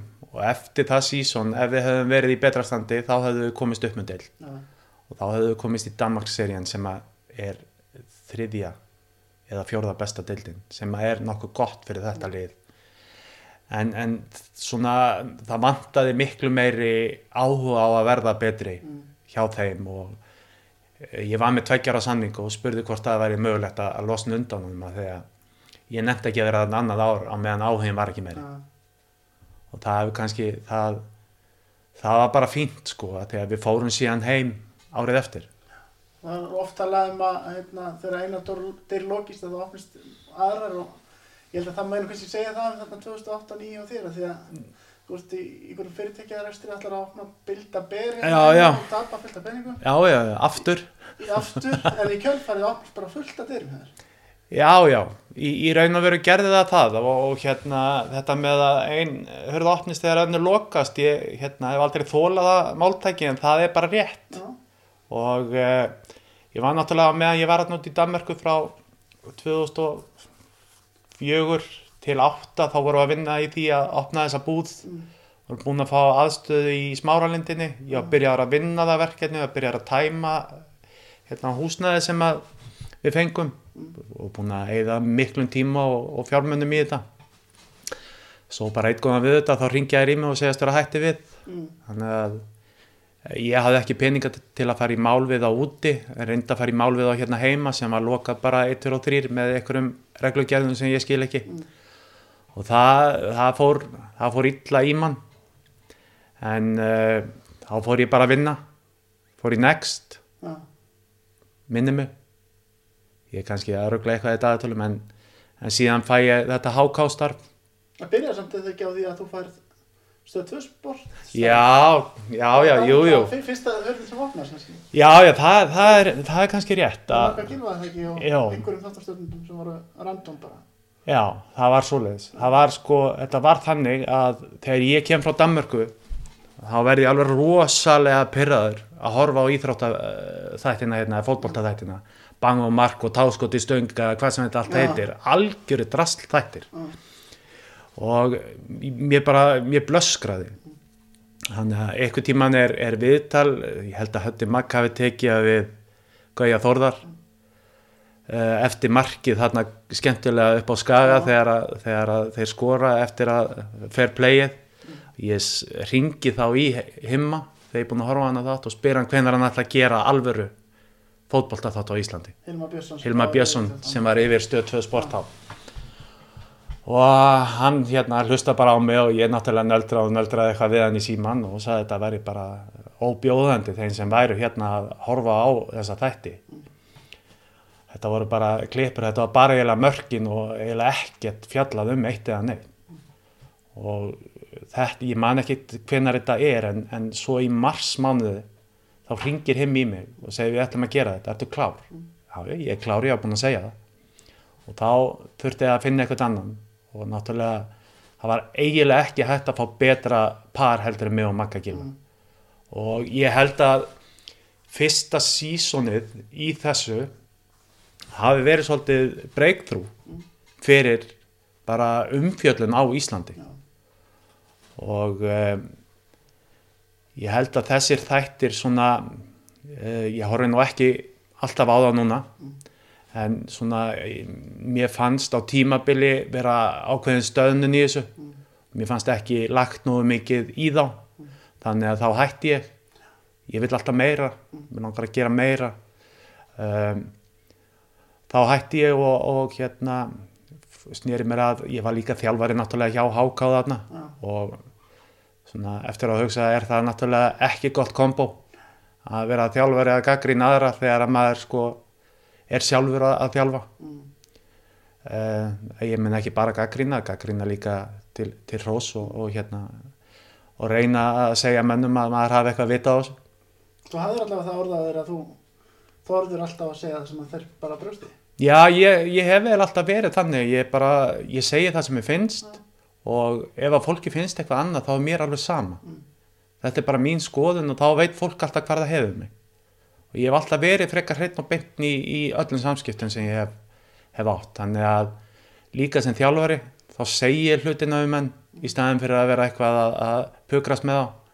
Og þá vita menn bara hvar þeir eru stattir í, í kerfinu hjá mér. En það eru samt margir hörundsári í íslenska boltan. Finnstu það eitthvað þá í bakið?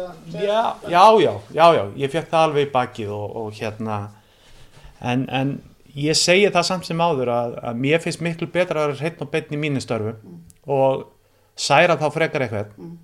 uh, heldur en að ljúga hann. Mér finnst, mér finnst betra að segja hlutina og, og stundum hefði maður kannski mátt segja að öðruvísi Mm. og ég hef náttúrulega þroskast mikið frá því að ég var þarna hjá Háká Mm. og ég segi hlutin öðruvísi í dag en ég kenni til skila og það er svona þetta þroskaferli sem að maður fer í gegnum sem þjálfari og maður náttúrulega einhver saði að þú verður ekki þjálfari fyrir að það er búin að reka þig þannig að ég er bara að reka mig fljótlega þannig að Já. þá er ég orðin þjálfari. Já, en, en þetta tímabil hjá, hjá HK var svona pínu sorglönd það var þegar ég tek við þá hættu einhverjir 8-9 strákar. Og um, við fengum lítið til okkar. Uh, fengum einhverja stráka sem voru að stíga sín fyrstu skref og svona og ég fekk Jónas Grana til að koma ég held að Jónas Grani myndi henda í eitthvað 12-14 mörk í, í fyrstu dildin en það gekk ekki eftir þannig að það sísón var bara svona la la en svo sísónið 2010 það er bara það var bara umulegt ég var bara ekki ég held bara að ég haf ekki verið alveg tilbúin í það var ekki líka bara svolítið mikið í gangi þegar þú ert orðin þjálfari á 21. landsliðinu Mm. aðstóð þjálfari í Já. Jóls og þú ert alltaf að reyna að sinna því að fara á öðrum og stýra þessu liði? Jú, jú, á, á, þeim, á þeim tíma var náttúrulega bara svo rosalega mikið að gera og það er alveg rétt. En uh, þar sem að verkefni U21 eru ekki mörg að þá fannst mér því alveg kljúfa það ágætlega. Um, en síðan uh, auðvitað getur engin öðrunnið þrjár 100% vinnur. Það er alveg ljóst og kannski hef ég tekið of mikið af mér á því tímabili. En uh, einhvern veginn þá náði ég ekki að, að hjálpa liðinu áfram. Og var látið fara eftir ég minn- man ekki 7-8 umferðir. Já, og það, ég átti það bara fyllilega skilið. Og um, auðvitað var maður svektur og sár þegar maður fór uh, út í stjórnina sem var ekki þarna. Gerði ekki neitt. Já, uh, að maður fekk ekki leikmenn eða eitt eða neitt, maður þurfti að hafa gera eiginlega allt sjálfur. En uh, þegar þetta er að botni kvöld þá snýr þetta bara að manni sjálfum sko. maður leitar alltaf í byrjun að einhverjum til að kennum já, en svo verður maður bara að kíkja inn og segja að þetta var bara ekki nógu gott hjá þér. Og, og þannig, þannig hef ég svona greint það tímabil. Og það var kannski það að ég flög heim úr, uh, frá Danmörku eftir fyrsta leik. Flög til Keflavíkur og kerði til Ísafjörðar uh, spilum þar leik sem við töpuðum 2-1 á síðustu mínúndu kerið aftur í bæin fór út með næstu flugvél til Danmarkur uh, horfið og greindi leikin bæði hjá okkur síðasta leik hjá HK á leiðinni heim og greindi síðan leikin hjá okkur hjá hérna á móti, móti hverju, kvítrúsum á leiðinni út. Þannig að ég notaði tíman mjög vel en svo var ég látið fara á mánudeginu þegar ég kom heim. Ég hefði þegið að þeir hefði bara satt mér upp aðeins áður. Já, það var svona þessar tímasetningar það eru, eru oft skrítnar í þessum fótbolta. En kannski ég hefði viljað gefa mér eitt leik og ef hann hefði unnist þá hefði ég kannski haldið jobbinu, ég veit það ekki. Nei. en þetta gekk ekki vel, við unnum ekki leik gerum eitthvað jafntöfli en, en eins og ég segi, var bara ekki nógu góður. Og hvernig kom þetta til að þú endar sem aðstofþjálfari Eyjólfsmynd Eh, þegar að Eyjálfur tekur við liðinu þá bara hreinlega skrifaði honum. Já, og saðist að hafa áhuga að starfa með hann já, ok. og það, ekki, ekkert, ekkert að ráði þá. Nei. og mér fannst hann bara ótrúlega flottur aðtunumöður Mm. ótrúlega sterkur í hausnum. Og mér langaði bara að fá svolítið gætans í, í þjálfun Mm. og vinna með einhverjum sem ég hafði mikla trú á Mm. og hann bara hann svaraði því bara að, að það væri bara flott við hefum mjög góðan sammeðlega vinn Sigga Geit Mm. sem að hérna, kom okkur svo saman Ok. og, um, og það ævintýri var alveg ótrúlega skemmtilegt og kannski svona mest gefandi sem að maður fær í hendurnar að vinna með öllum bestu ungu leik, leikmönnum Íslands. Bara Íslands sögunar náðast, eða ekki? Ég myndi segja það, besta liði Íslandsögunar allavega, þetta U21 lið sem fer þarna út. Já. Ég man ekki hvernig þetta var, hvort við höfum verið með átjámanna hóp hann úti uh, og það voru 15 eða 16 sem að fóru í atvinnum sko. Af þessum þannig að og náttúrulega sko bara allt liðið var líka svo flott. Og sér Gilvi kemur hérna setna inn í þetta. Uh, Aron Einar kemur í leik með okkur eftir að hafa spilað 25 alansleiki Mm. ótrúlega professional Mm. sem að var gaman að sjá að þegar maður hefur séð þetta á svo mörgum stöðum þegar að það verið að taka leikmann niður Mm. að þeir geta ekki neitt að þeir hafa engan áhuga þessu. Þarna var Aron alveg bara strax orðin alvöru fyrirlega típa fannst mér. Kom að spila með okkur á móti Norður Írlandi fyrsta leik. Mm. geggjar í leiknum. Og það voru bara svo margir að blómstraðan og sér Alfreða náttúrulega tölvöld á bekknum hjá okkur sem er náttúrulega geggjun í dag. Uh, við spilum hérna úslítaleik við skota hérna í, eða umspilsleik við skota. Og þá er Alfreð á bekknum og við eigum eina skiptingu eftir. Og við setjum Almar Ormason inn á og ég heyrði bara klið fara um alla stúkuna sko. þá var hugsunin þannig að að Almar var að spila á heimavellinu sínum Mm. og okkur fannst það geta gert eitthvað og hann skoraði í leiknum þannig að þá gerðu við rétt allavega en þessi hópur var líka bara svo ótrúlega samstæður Þegar að 21. landsliðinu var nú að ganga svona vel og Mm. Spila sem mikilvæga leiki, þá er núningu við þegar var að allanslýsins Óla Jó sem að vildi líka nota leiknum. Já, það var sko mér fannst það dæmi vera ótrúlega vel list hjá KSI á sínum tíma. Já, af því að uh, þeir hefðu skilning á því að fá lið í úslitakeppni þýtti meira heldur en einhver leikur á móti Portugalum hérna heima þegar þú varst búin að tapa einhverjum 6-7 leikjum í röð og þeir tóku ákvarðan á þessum tíma sem að uh, ég hafði mikla, bara mikla virðingu fyrir. Að því að leikur með aðliði sem skiptir engum máli versus leikur sem er úslitaleikur það eru svona leikir sem flytja leikmenn. Og það eru svona leikir sem að Gilvi og Aron og Alfred og Kolli og allir þessi strákar þurftu að fá til þess að, að fá aðeins fleiri hára á brjóstu og, og þetta mér fannst þetta bara alveg hár rétt um, Óli var eitthvað pyrraður já. og okkur var náttúrulega alveg saman það. Hann var pyrraður Kom það í ljós í ykkar samskiptum? já við vorum bara ekki dýninni samskiptum við hvorki hann ég Pétur á þenn tíma. Já. þetta fóð bara í gegnum gegnum bara KSI og uh, svona það, já það var bara mikill pyrringur og ég skildi í raun og veru aldrei þeirra tilgang. Og, og ger ekki enn Mm. og svo kemur þetta náttúrulega aftur upp setna þegar að Björn Bergmann er tekinn eftir að við vinnum hérna geggjalið belga Mm. á valsvellinum þá var það næsta kynnslóð Já. og þá taka þeir hann í eitthvað leik þegar við hefum að spila í Noreg á sama tíma, hérna heima þá taka þeir hann í A-landslið og hann kom inn á í þrjár mínútur og ég segi hann hafa bara verið settur inn á út af þessum út af þessum hérna, þessu reyfrildi okkar á milli. Já. en, en svo töpu við hérna við vorum í raun og veru ekki með neitt sendir og þeir taka hann af okkur þannig að við gætum heldur ekki þannig sé bætt við okkur. Nei. og allavega ekki leikmanni nálagt honum í, í getu á þeim tíma. Hann var geggjaður á móti belgum sko. Þannig sagði riflítið ykkur á milli var ja, ég segi svona uh, þetta var svona, uh, ekki rifrildi kannski okkar á milli, ég, ég veit ekki hvernig þetta var en, en þeir tóku strákin og sko ósætti var náttúrulega klárt. Og okkur fannst bara þeir vera svona ísótlu niðurbróti gagvart okkur.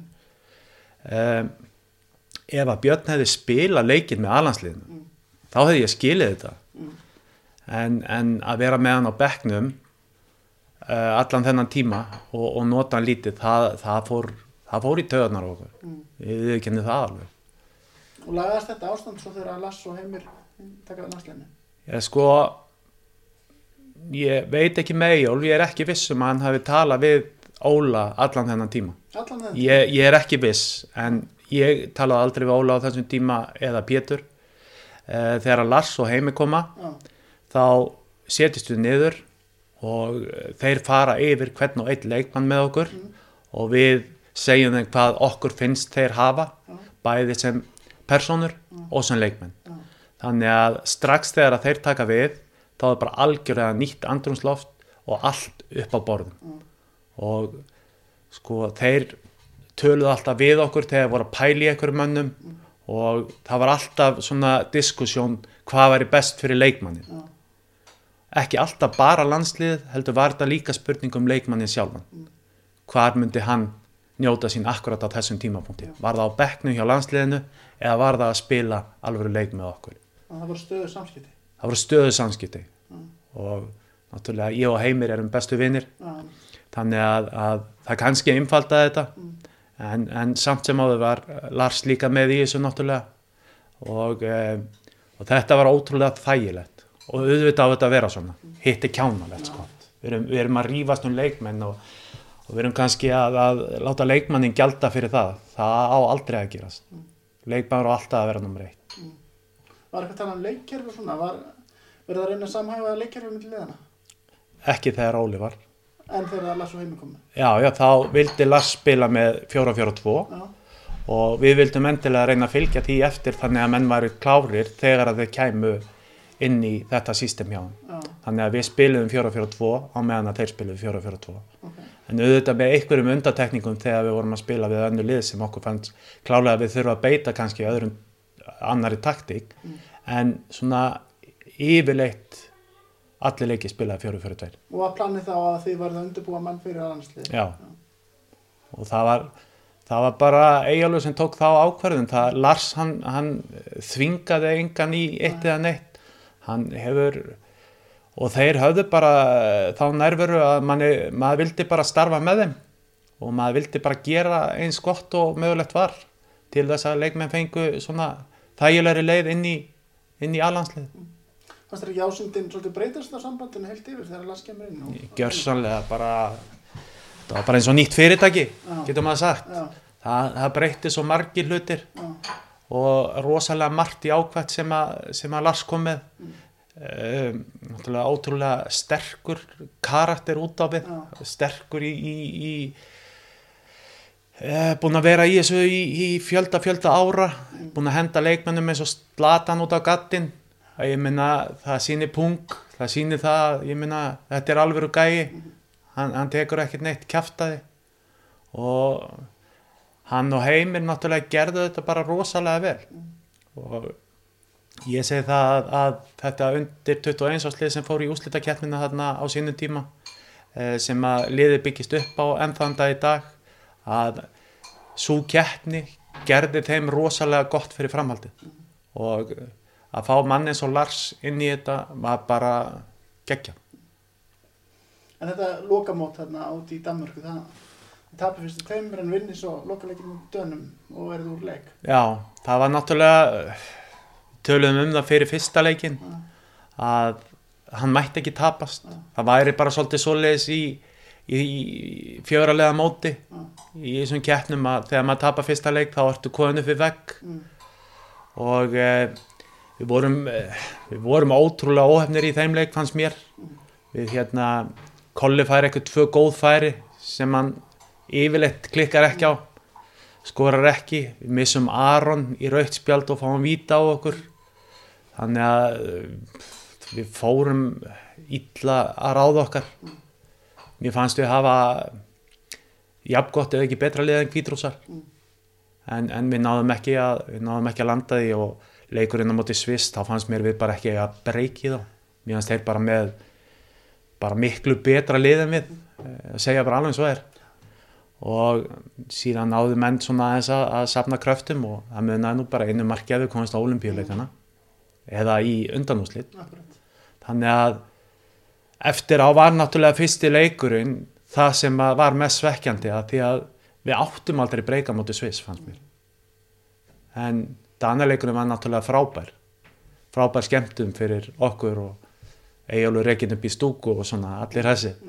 En, en það var gott að vinna þann leik. Ég held að það hafi gefið okkur líka rosa mikið og, og leikmönnum að, að ná allavega í, eitt sigurleik en eins og ég segi það, hann satt svolítið lengi í okkur þessi kvíturosa leikur Þetta er smá rússipannu fyrir því að þannig leikurinn er 18. júni og svo bara heim og 20. stað eftir ekki áka og já, úr öfgafullum miklum verkefnum ég eiginlega bara ekki neitt. já, já, það er bara þetta er náttúrulega svolítið líf þjálfarans Já, að þú veist aldrei hvað gerist á morgun uh, talandum uh, sko uh, í katorsku deildinni sem ég hef fylgst ótrúlega vel með núna. Ég veit ekki alveg að hverju en gæti verið út að heimi. Að þá er þá er uh, þjálfari liðsins þar í efstasæti reikin þannig að maður veit aldrei hvað er að gerast í kringum í þessum þjálfaramálum. Þannig að maður verður bara að vera svolítið eh, með opinn huga í þessu starfi. Og uh, bara vita það að þú getur verið reikin á morgun. Já. Og allt með opin huga að þú Ég- hætti nú ekki lengi, þú varst komið bjarnáli til að klára tímbil með vikingi svo. Já, já, það, það var stutt og, og nýtt með að verkefni að koma þeim niður. Þú veist orðað það þannig. nei, nei, það alls ekki. Við reyndum að gera það sem hægt var að gera á þeim tíma. Mér fannst, ég kom þarna inn í hóp leikmanna sem var gjörsanlega niðurbrotin Já, og uh, þetta var ekki fótbolltalegs eðlis heldur andlegs eðlis fannst mér hjá leikmannum og uh, það náði ekki að rífa, rífa liðið upp. Það náður allskins farþegar innan borðs og að mér fannst eh, sem að, sem að höfðu ekkert í efstu deild að gera. Já, en, en það var kannski bara mín skoðun á þeim tíma. En Bjarnólfur hreinsaði vel út úr hópnum og reynda að minka hópin og þéttan já. en uh, þetta, bara, þetta var bara gekk ekki upp. Akkur, akkur komst þú inn í þetta með hann? hann baði mig bara um það, við erum góði félagar og Já, spiluðum saman þarna út í eigum Mm. þannig að hann vantaði eitthvað, eitthvað mýkri mann með sér Mm. og ég get verið hann og ég get líka verið hinn já.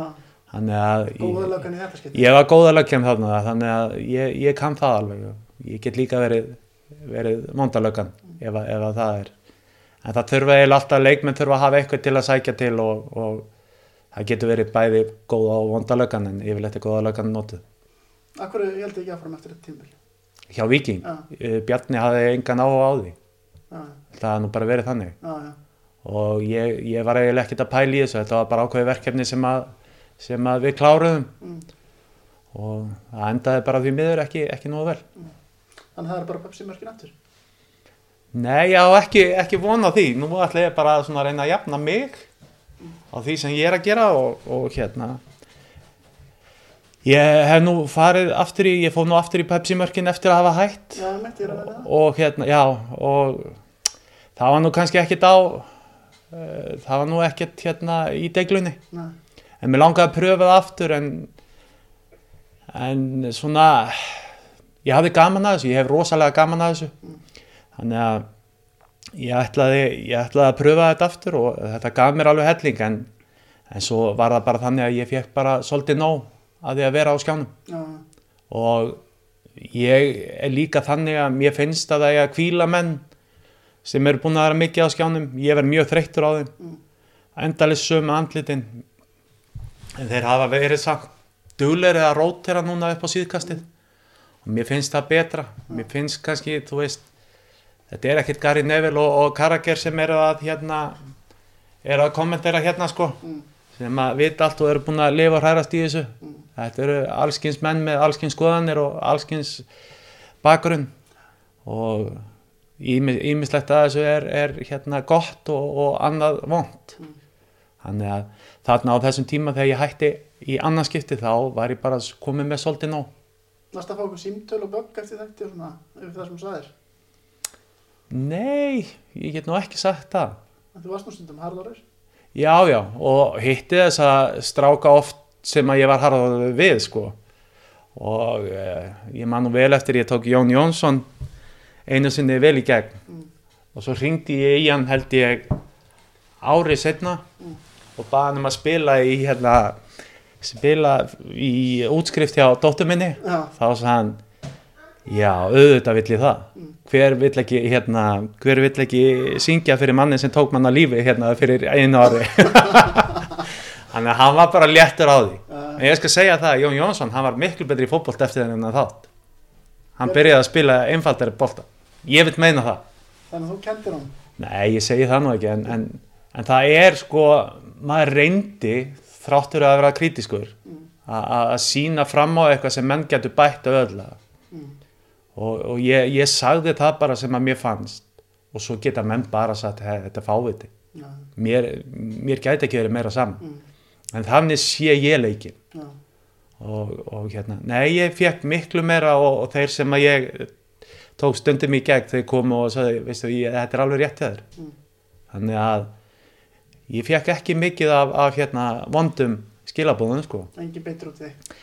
Jú, örglega, örglega fullt af fólki hérna súrt út í mig og ég meina símanúmeri mitt er í, í, á já.is þannig að það gátt allir fundið mig, það er ekki eins og ég hef verið að fela mig Nei, en, en þetta er nú bara, bara fótbolt eins og eitthvað slæði já, Þú heldur áfram að þjálfa 21. áslið og svo bara í lok ást 2016 þá segir Óskar Hafn Þorvaldsson á Twitter held ég að þú sést að hætta en þú framleikir bara mánuðið sérna. Já, ég var bara, var það óvisa með þetta? neða, ekki þannig séð, ég var bara ótrúlega sáttu við það sem ég var búinn að gera Já, og, og við eiginlega vorum búinn að gera og ég bara, mér langaði bara að fara út úr þessu á góðan máta. já, hann held samt áfram. Já, síðan var ég talaði til. Það var þannig. Það var bara svoleiðis. Að hérna, ég sagði bara við eiginlega að, að ég var ógeðslega stoltur yfir því sem við vorum búinn að gera Já, og mér langaði bara að fara út þar sem við vorum á góðum stað. já, og það var kannski ekki góðu staður að þegar við töpuðum fyrir Úkrænu þarna, leik sem að var alveg hræðilegur hjá okkur Mm. að ef við munnið hann þá hefur farið í beint í, í úslitakjarni mm, en þarna ákvað ég bara að, að þetta væri gott, mér fannst við ná góðum árangri með þessi lið sem við vorum með. Um, þannig að ég ákvað það þarna að hætta. Mm. en Eyjólfur hann eh, vildi hafa mig áfram. Við vinnum náttúrulega alveg geggja saman. Við erum rosalega gott par. Vinnum hvort annan upp og á, á öllum stöðum. Þannig að uh, ég ákvaða að slá til og, og vera með uh, tvö ári viðbót já, en svo náttúrulega var ég ekki alveg þessi tvö ár ég þurfti að detta út, öðrulegin tóku þarna inn í. já, örlögin tók inn í og, og hérna, heldur mér aðeins frá þessu en, en það reyndist um, KSI mér mjög vel í, í þeirri baráttu minni Í ég segði mér hans frá þessu parti. ég baráttan er bara svo að ég fer í, í uh, mjög aðgerð 2015 Já. sem er missefnast Mm. Og það er ekkert gert við mig í þrjú ár þannig að 2018 fer ég aftur. Já, og tel bara þá að ég verði góður bara eftir, eftir aðgerðina. En leggst þá inn á sjúkrós í rúma 8 mánuði. Mm, og síðan hefur þetta verið bara eiginlega þessi vegferð inn út af sjúkrósum og, og tómleðindi svona stutta, stutta sagan og, og gæti ekki verið með í síðustu þremur leikjónum hjá U21 já, og þeir komu til mín strákarnir bæði hérna, leikmenn og, og um, þjálfarateimið og svona heldum mér upplýstum um hvað var að gerast og hvort ég hefði eitthvað skoðanir þannig að ég fekk að vera með. Og, og settu þig kveðir og mætti Já, rosalega, rosalega flott kveðja sem ég fekk frá þeim. Já, þannig að, að hérna ég var rosalega ánæði með, með þann stuðning sem ég fekk já, og náttúrulega búin að fá alveg ábúslega stuðning frá mörgum í, í þessari baráttu. Þannig að það, maður hefur greinilega snert einhverja kannski frekar en þá sem eru fúlir út í mann út, af- út af því að ég saði eitthvað við þá. Þannig að svona eftir að higgja það finnst mér bara ótrúlega vendum hvað margir hafa eh, svona stutt mig í gegnum það sem ég farið í gegnum. Mm, það var fylgistagurinn þarna, e, tómadagurinn sem fylgismenn stóðu fyrir það ekki? Jú, jú, jú, jú, það er hérna, hann var ótrúlega, fl- ótrúlega flottur. Bjarni Ben spilaði á móti mér náttúrulega þegar hann var hjá stjörnunni Já. í annari deildinni, þannig að, já, hann kom og það var, það var gaman að sjá Bjarna. og gaman að heyra þig, menn ætla að hjálpa þig með svona tómadeginum Já, ég, ég saði nei við þessu fyrst. nú, Mér fannst óþarfi að vera, hérna, ég held þessu rosalega nálat mér. já, Ég, ég vildi ekki að fólk vildi, myndi vita af þessu.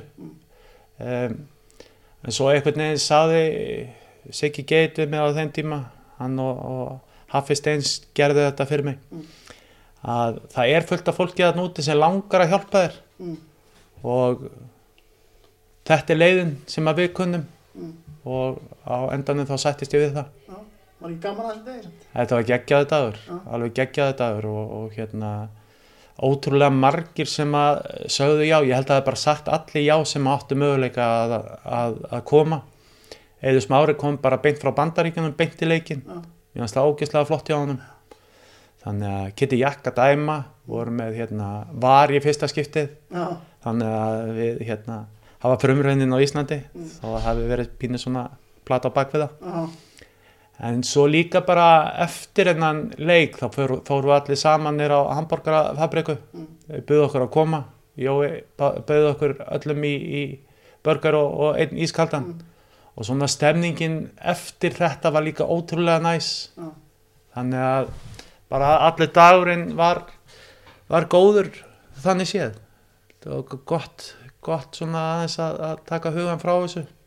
og þið lítur að þátt væntu það líka AGF ákveða að taka þátt í að Já, já, náttúrulega góða vini úti ennþá sem að, sem að hérna, heimsóttum við til dæmis til Þýskalands á, á sjúkrahúsið. Þannig að já, já, góða rætur þar. já, Þannig að, jú, það, mér þótti mjög vænt um það. já, Og be- besti vinnu minn úti, það var hann sem stjórnaði þessu. Og það var, var mjög fallegt að sjá að, að, að þeir hugsaðu til mín. Mm. En fréttinnar í ekstra blæðinu voru aðeins og viktar fannst mér. hvernig var það? Það var bara, ég var dauður, sko. Það var eiginlega, bara þannig. Já? Já, alltaf því. Já, ég held að það væri döðun? Já, það var, það var eiginlega þannig sem að ég las út úr fréttinni. Þeir, þeir þurfu alltaf að setja smá sísonol og, og, og pipar á þetta Mm. og jafnvel chili krydd Mm. en, en hérna ég þurfti að leiðrétta það svolítið ofta ég væri ekki að deyja sko. Já, en, en þó ég hafi gert það einu sinni í ferlinu. Ég hitti upp á fylgisvelli fyrra, þar var allt bara eðlilegt og þú labbaði um þarna á, á leik sem þú varst á og svo kemur aftur bakslag. Já, svo kemur síkingin aftur og, og hún, hún kemur innanfrá þannig að það var hérna bein, bein í, í líkamannu sem var síkt Já, og, uh, og það þurfti að fjallega það núna í november já, í tveimur stórum aðgerðum Mm. og tvo vöðva á líkamannum já, þannig að þetta var, þetta var eh, vonandi síðasta ok. allt er þegar sjösunum er Mm. eða ekki Hvernig áttu vona að geta verið komin á gott ráð? þeir sögðu tvö ár Já, frá, frá uppskurði að þá var ætti ég að vera búin að jafna mig eins og ég eins og ég get Mm. og það talaði að mér náðu kannski 50% bata ok. Og Það, það það, var, á næsta ári, já, Já. Lítur að vera spenntu fyrir þeim degi. já, já, ég meina ég reynir náttúrulega þegar ég má fara stað þá reynir ég náttúrulega að þá reynir ég náttúrulega að hérna eh, styrkja mig Mm. og hraða þessu ferli án þess að ætla fram á mér.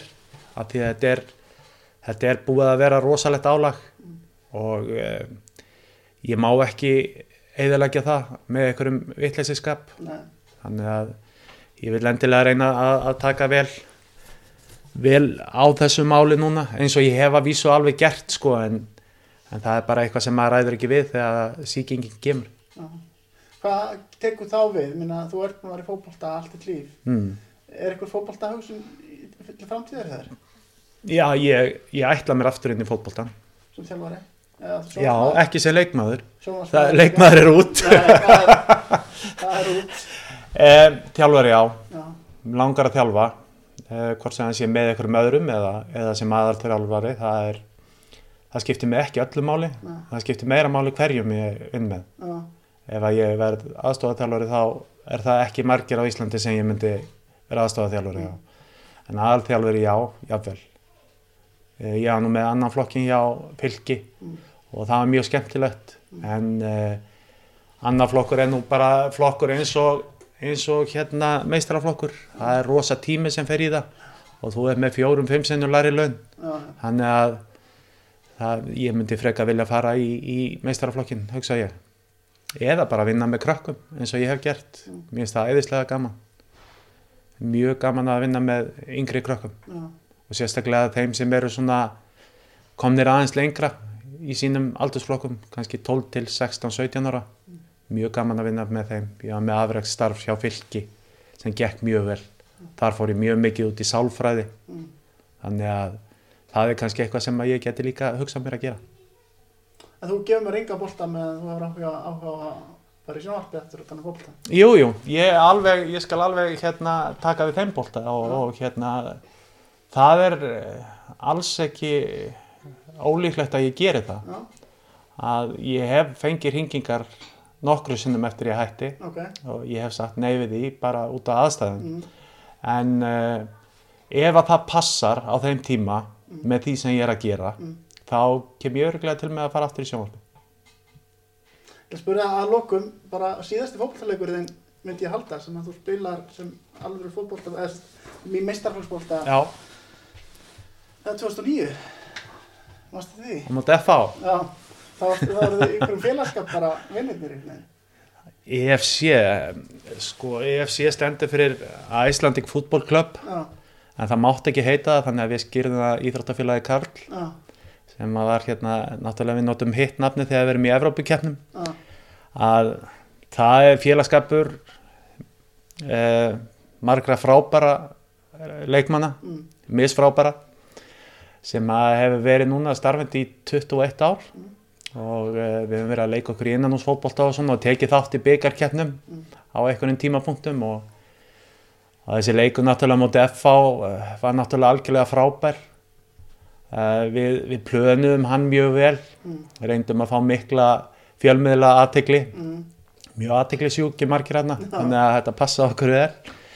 Uh, og svo bara leikurinn sjálfur var skemmtilegur og við vorum búin að ákveða það að ef að þeir myndu skora við myndum fagna þeim. Mm, Hjörtur Lógi sem skora nú ekki oft hann, hérna, hann vissi ekkert hvernig hann átti að vera kall greið sko.